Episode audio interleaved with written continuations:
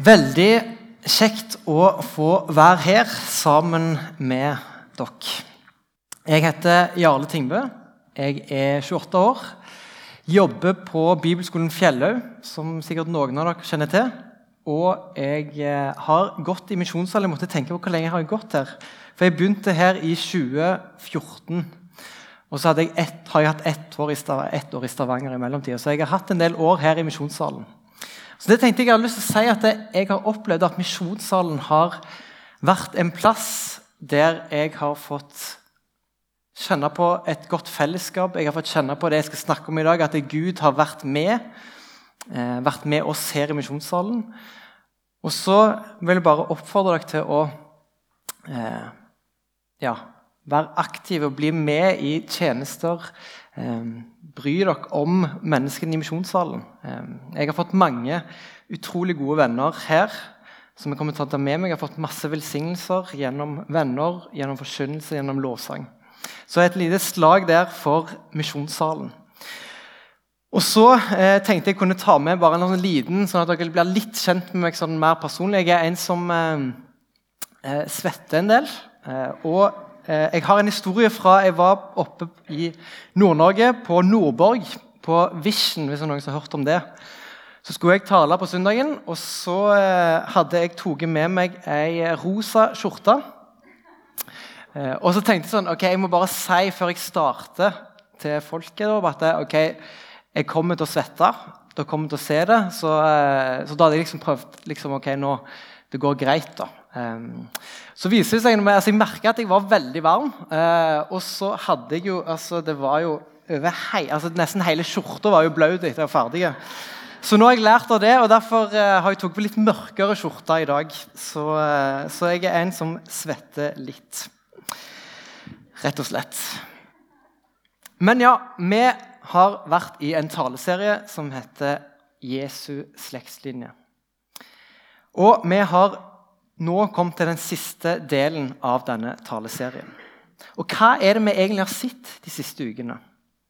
Jo, vi har sett mennesker.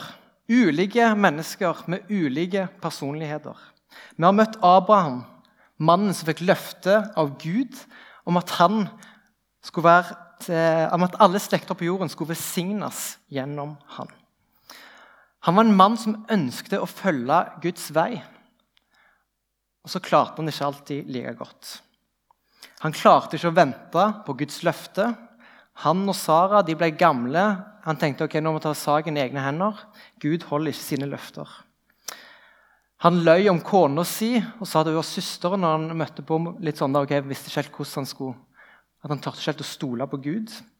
Og Både han og Sara lo da de fikk beskjed om at Sara skulle få en sønn, selv om Gud allerede hadde sagt tidligere at Gjennom deg skal alle slekter på jorden velsignes.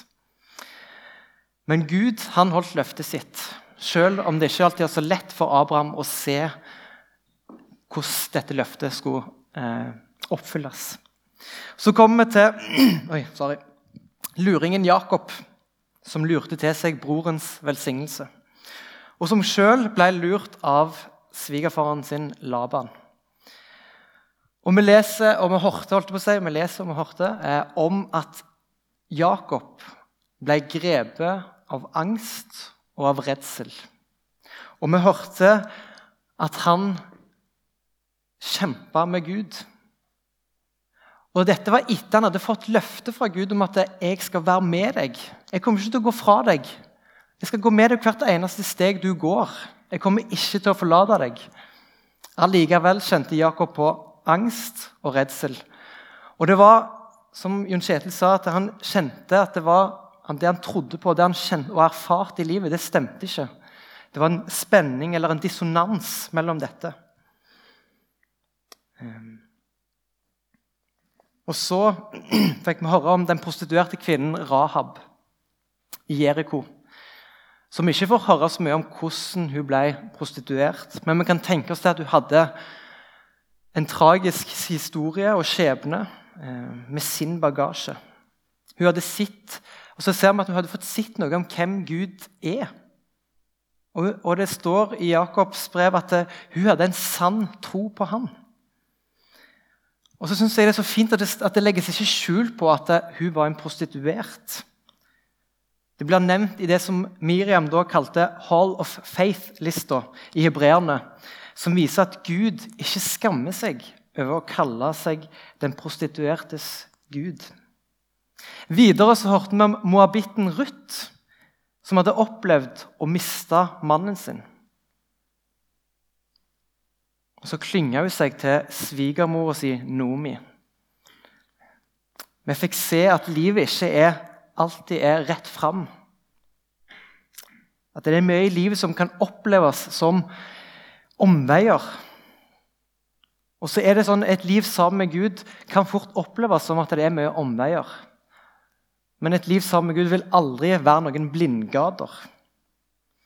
Og så Etter litt om og men så fikk hun en ny mann som heter Boas.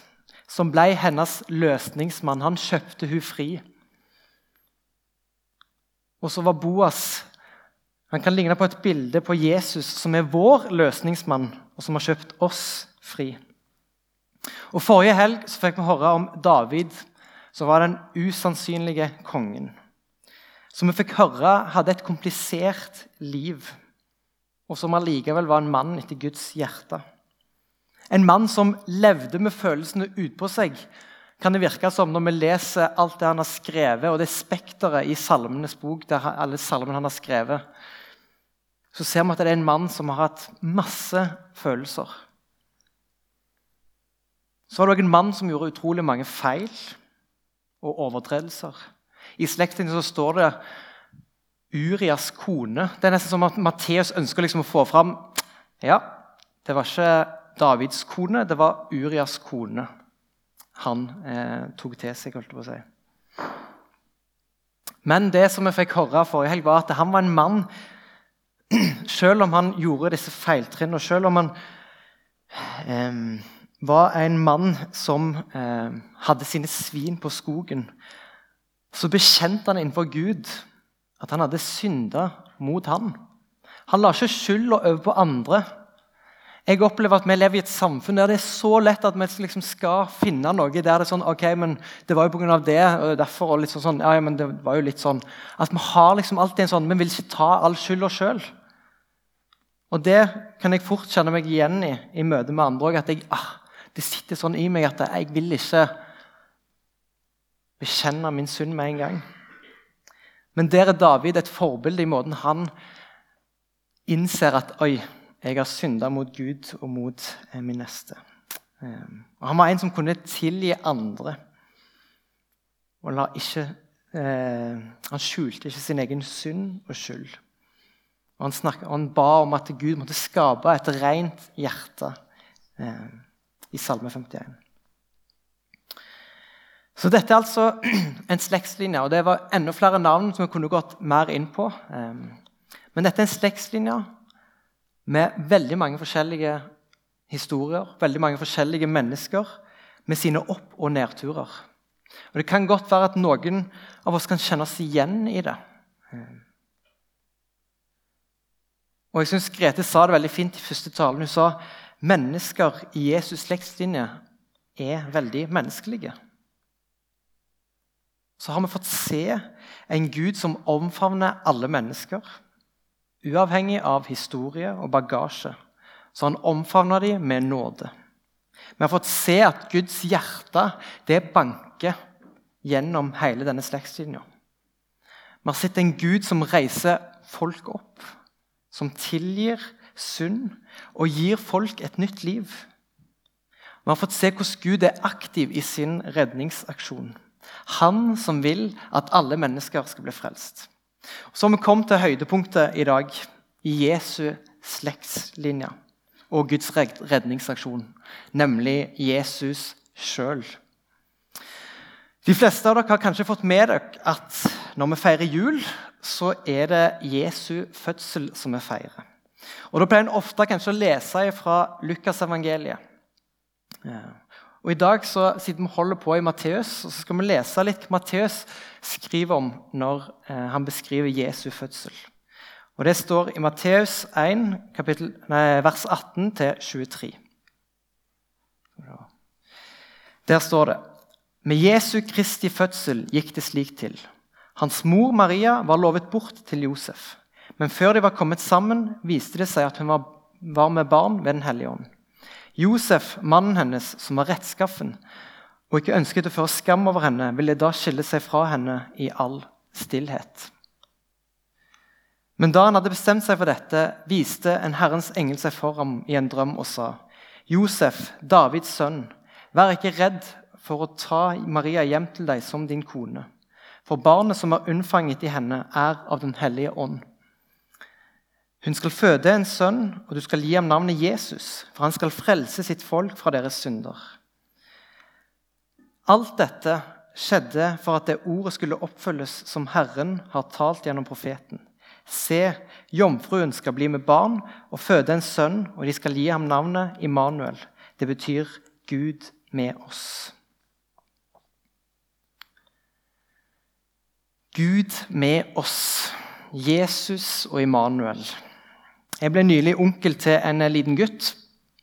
Vi fikk ikke vite navnet på han med en gang, fordi han eh, ble født eh, litt for tidlig enn det som vi venta. Storesøstera hans hun håpte at hun skulle få ei lillesøster. For hun har allerede en lillebror, så det ble liksom åh, skal jeg få en lillebror til. Så hun håpte hun skulle få ei jente som skulle hete Hesteblomst. Skuffelsen var dermed stor da hun fikk høre at hun skulle få enda en lillebror. Men så ble skuffelsen til glede da hun kom på at den nye gutten han skulle hete Hesteblomstgutten. Og Det er ikke bare i dag vi er opptatt av navn, men det ser vi òg i denne teksten her. At betydningen av navn Jesus kom for å frelse sitt folk fra deres synder. Og så kan vi bli litt sånn, Hva mener Hvorfor kommer Immanuel inn her? For vi får jo ikke høre noe om at Jesus altså, Det er jo her vi får høre at det er Immanuel eller Emanuel. Um, og så er det ikke Når Matteus trekker inn en profeti, for det er det han gjør i Matteus 1,23, så trekker han inn en profeti fra Gamletestamentet. Eh, I Jesaja kapittel 7, 14.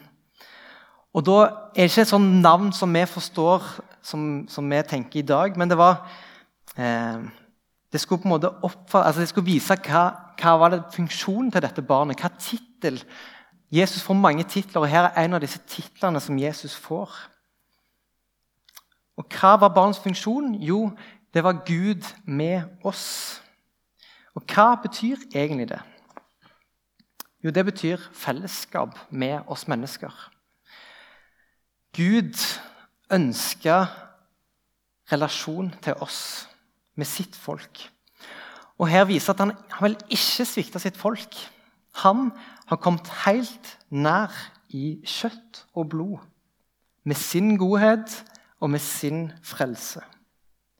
Johannes han uttrykker det at ordet ble menneske og tok bolig iblant oss. Og Løftet om Guds nærvær det skriver Matteus om flere ganger. Han skriver også om det i Matteus 18, 20, der det står hvor to eller tre samla i mitt navn, der er jeg midt iblant dem. Og til helt slutt i Matteusevangeliet skriver han i misjonsbefalingen, der Jesus sender disiplene ut, så sier Jesus, se, jeg er med dere alle dager inntil verdens ende. Så Gud han holder sine løfter. Han ønsker relasjon til oss mennesker. Han er med oss, og gjennom Jesus så blir han menneske og kommer helt nær. Og Dette er ikke pga. at vi har liksom fått til oh, se, se på nå, Gud, nå har vi virkelig skjønt det. Nå, det, nå har vi levd med de perfekte livene som, som gjør at du kommer nær til oss. Nei, Ehm, vi er ikke en gjeng som har perfekte liv, og som får til alt. Men det er det stikk motsatte. Mennesker, Vi er mennesker som ikke forstår, mennesker som feiler, mennesker som opplever ondskap og sorg.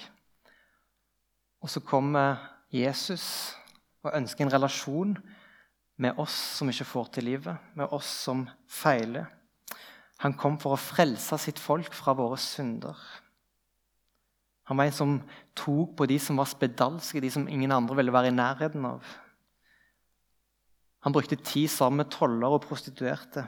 Og han, når han hang på korset, så hang han med to syndere ved siden av seg. Jesus, han er for oss. Som innser at vi er syndere òg. Jeg tror det er veldig mange som ikke innser at en kan gå og kjenne på at det er noe som ikke stemmer. Og så finner en ikke svar på hva er, hva er det som ikke stemmer. Og så har vi svar på at jo, vi har feila, og vi trenger hjelp. vi trenger en redning. Og gjennom Guds redningsaksjon så blir han en av oss. Ikke ved å holde avstand, men han kommer helt nær til oss. Og han har erfart og opplevd det som vi opplever her på jorda. Og han kan derfor ha medlidenhet med oss. I Hebreabrevet 4, vers 14-16, så står det Siden vi har en stor øversteprest som har gått inn gjennom himlene, Jesus, Guds sønn, så la oss holde fast ved bekjennelsen. For vi har ikke en øversteprest som ikke kan lide med oss i vår svakhet, men en som er prøvet i alt på samme måte som vi, men uten synd. La oss derfor frimodig tre fram for nådens trone, så vi kan finne barmhjertighet og finne nåde som gir hjelp i rette tid. Her får vi se at Jesus han lider med oss i vår svakhet. I vår smerte så kjenner han den smerten. I vår lidelse så kjenner han på lidelsen som sin egen. Her får vi et lite innblikk i Jesus sitt hjerte. Og Det kan godt være at du har hørt flere ganger at ja, Jesus han har dødd på korset for, for syndere og for oss, for alle oss mennesker. Og du vil skjønne at okay, ja, det er fint og flott. Men så har du kanskje ikke fått oppleve hvordan, hvem er denne Jesus Hvordan er hans hjerte? Og det vil si at Hans hjerte er en som lider med oss i vår svakhet eller i vår lidelse. For han har kjent på kroppen sjøl. Han kom som et menneske. Og han var samtidig Gud. Men han vet hvordan det er å være tyst. Han vet hvordan det er å være sulten. Han vet hvordan det er å være trøtt. Han vet hvordan det er å være forakta, avvist, forlatt, misforstått, mishandla, torturert, falskt anklaga og drept. Han vet hvordan det er å være ensom. Hans venner forlot han da han trengte det som aller mest. Og Hadde han levd i dag, så kan det kanskje være at han hadde blitt utsatt for det som ble kalt for cancel culture. Eller at folk hadde slutta å følge han på Instagram. De hadde ikke ville være venn med han på Facebook. Noen hadde kanskje ghosta han. Um.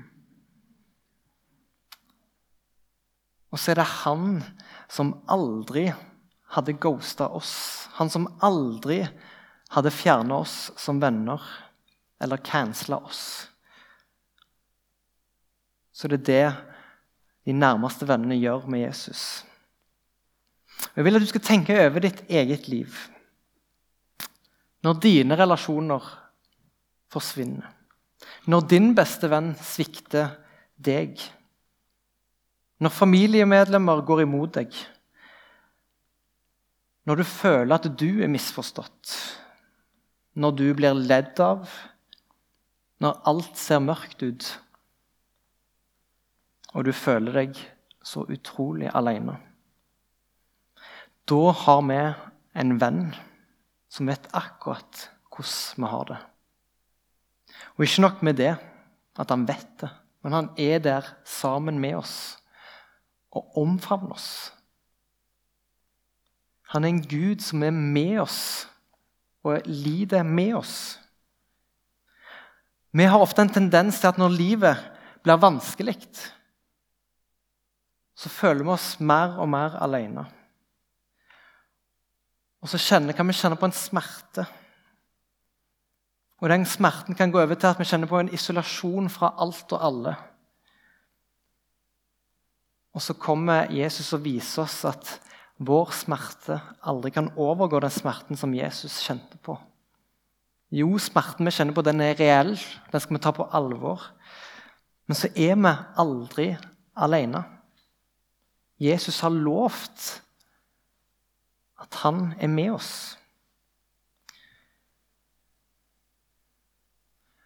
Og Jon Kjetil han snakket om at eh, kirka er ikke plassen for de perfekte. Men kirka er familien som skal gå sammen med hverandre. Glede hverandre, trøste hverandre, oppmuntre hverandre, se hverandre. Det som fører oss sammen, det er at vi alle trenger Jesus.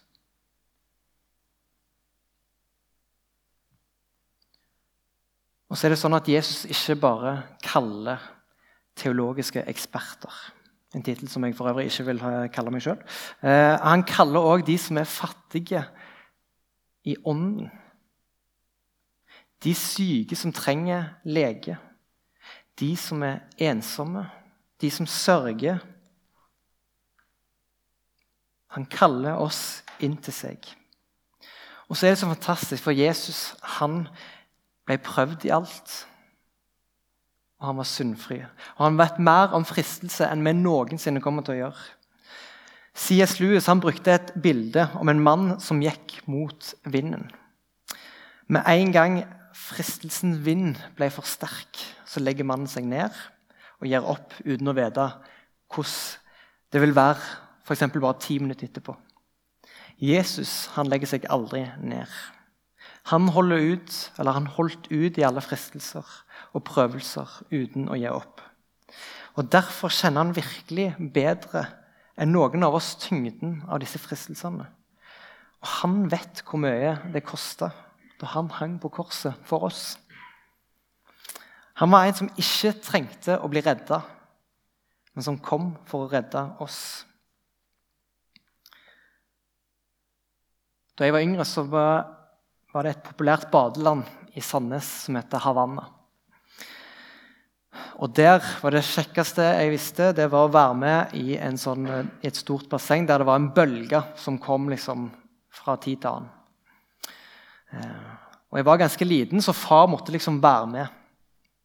Og Da sto far rett ved sida og fulgte med. og holdt, Enten så holdt han i hånda, eller så sto han og holdt rundt. Men så var jeg så eh, tenkte jeg at okay, nå skal jeg klare meg uten fars hjelp. Så nå skal jeg bare følge bølgene sjøl og se hvordan eh, og det skal klare det. Og det, det blir gøy.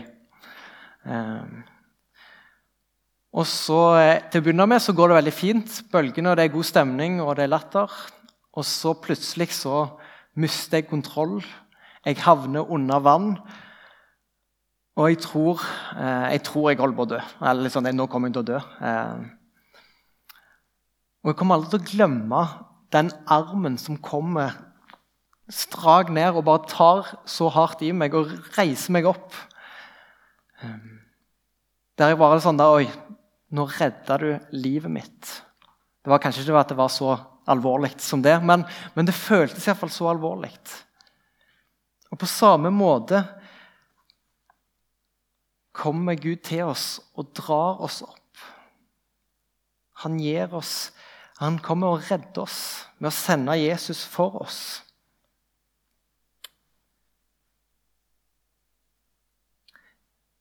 Helt i begynnelsen sa jeg at Gud skammer seg ikke over å kalle seg de prostituertes gud. Så har jeg lyst til å si at han heller skammer seg ikke over å kalle seg de ensommes gud. Mennesker med angst og redselsgud. De pornoavhengiges Gud. Løgneres Gud.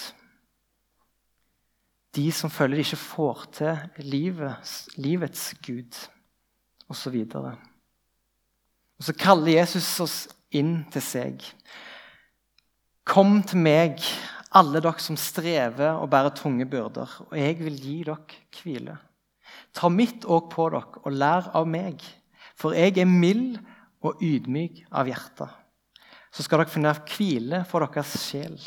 For mitt òg er godt, og min byrde lett. Jesus han inviterer oss inn. At vi skal få lov til å komme Og Det skal vi få mulighet til senere òg i nattverden. Helt konkret. Få ta imot Jesus. Og så kommer vi ikke med for at vi er verdige eller kvalifiserte. Vi kommer ikke fordi vi ikke kommer til å snuble eller falle igjen. Vi kommer ikke fordi vi har en så stor og sterk tro. Men vi kommer fordi Han kom til oss, fordi Han er en Gud som er med oss. Og Han inviterer oss inn til Han. Han sier at vi skal komme. Derfor så kan vi komme.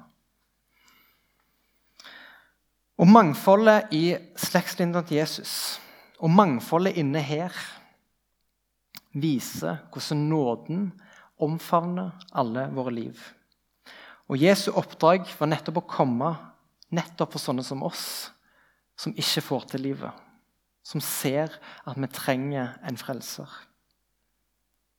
Og Gud, som har sett i disse menneskelige historiene, eh, vil virke i oss med en større hensikt enn hva vi tror og skjønner her og nå. Så la oss henvende oss til Gud sånn som Abraham gjorde. La oss vente på Gud med forventning om at the best is yet to come. La oss være et fellesskap som tør å gå til Gud og med andre med det som vi opplever som vanskelig og som en kamp mellom det som vi tror, og det som vi erfarer. La oss være et fellesskap her og der dere, hvis dere hører til andre plasser, eh, der vi tør å være ærlige. Og så er det sånn at Vår erfaring vil ikke forandre på at Jesus kom og er Gud med oss. Han har lovt å gå sammen med oss og være der i det vanskelige. Jeg skal be helt til slutt. Jesus, vi kommer alle, med alle våre løfter og våre gaver. Vi kommer med all vår synd og skyld. Takk for at vi finner hvile hos deg. Takk for at du er mild og ydmyk av hjerte. Hjelp oss til å ta på ditt gode åk.